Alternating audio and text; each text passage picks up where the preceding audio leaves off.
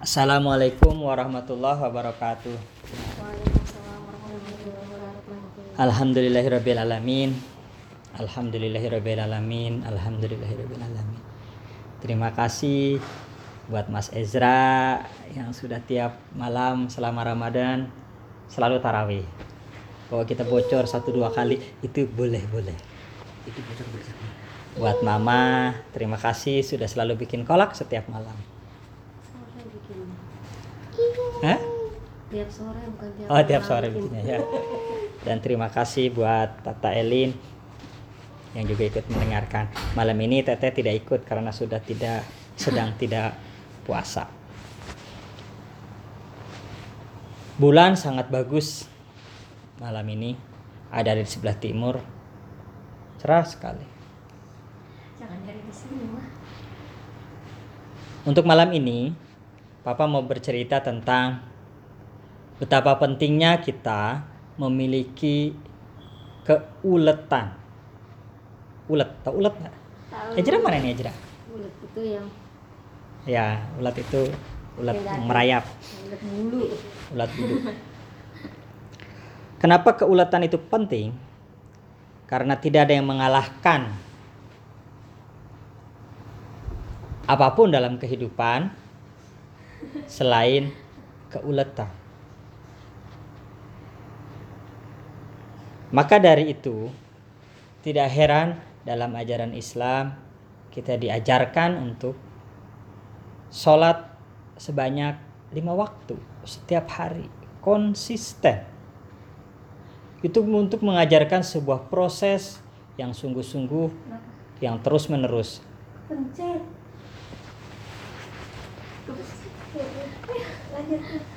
Yang terus menerus rekamannya error gitu kepencet aduh eh Jera ke mana Jera Kamar mandi. Ke kamar mandi. Error malam ini error. kalau ini error kayaknya Oke, didengerin aja.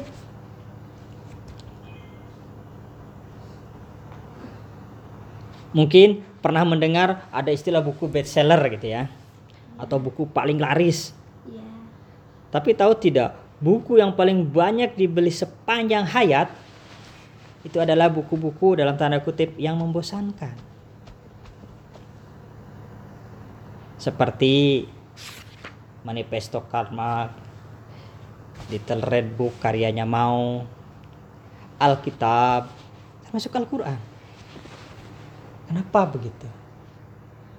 Karena keuletan konsistensi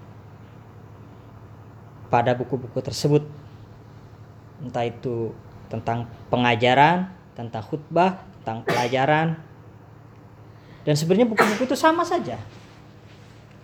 Namun buku tersebut akan terus dibeli oleh orang-orang entah atas nama agama, atas nama politik, atas nama kebudayaan, atas nama apa pun yang pasti akan terus dibeli orang sampai kapan pun. Papa dulu punya banyak teman yang papa kira secara akademik, secara intelektual biasa saja. Namun karena teman-teman papa ini rajin, rajin kuliah, rajin belajar, terus sekolah, tidak mengejutkan. Banyak di antara mereka sudah pada menjadi doktor.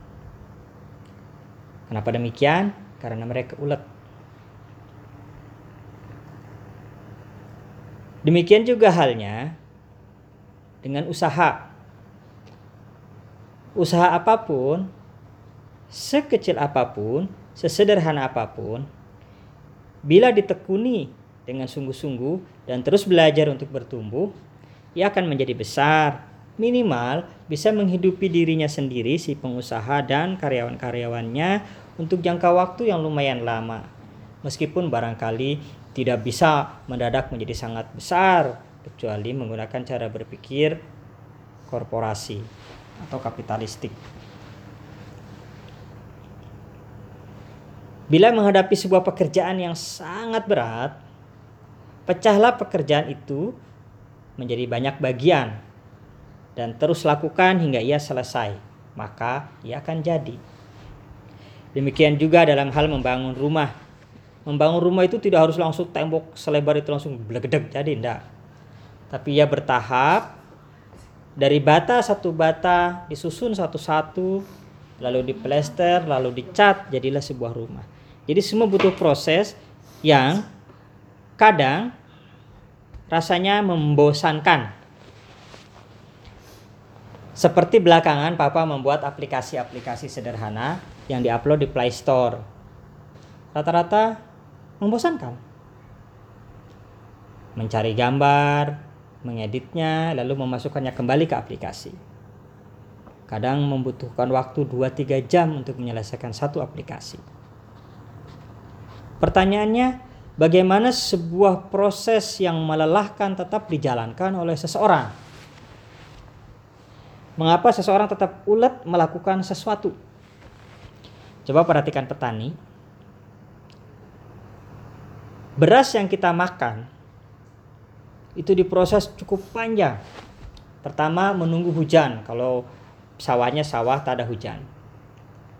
Dicangkul dulu sawahnya. Lalu nyebar bibit.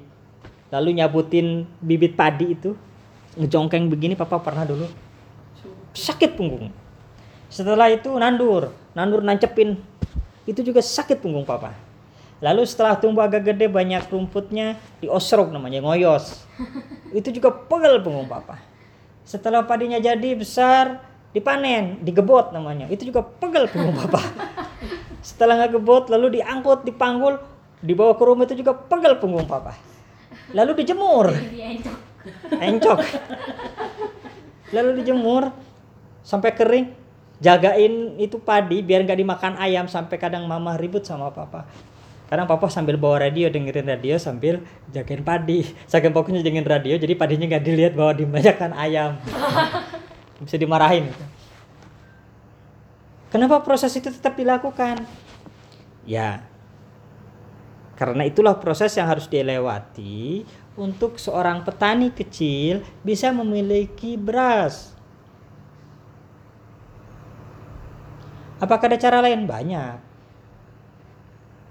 Dengan cukup membeli, dengan ya membeli.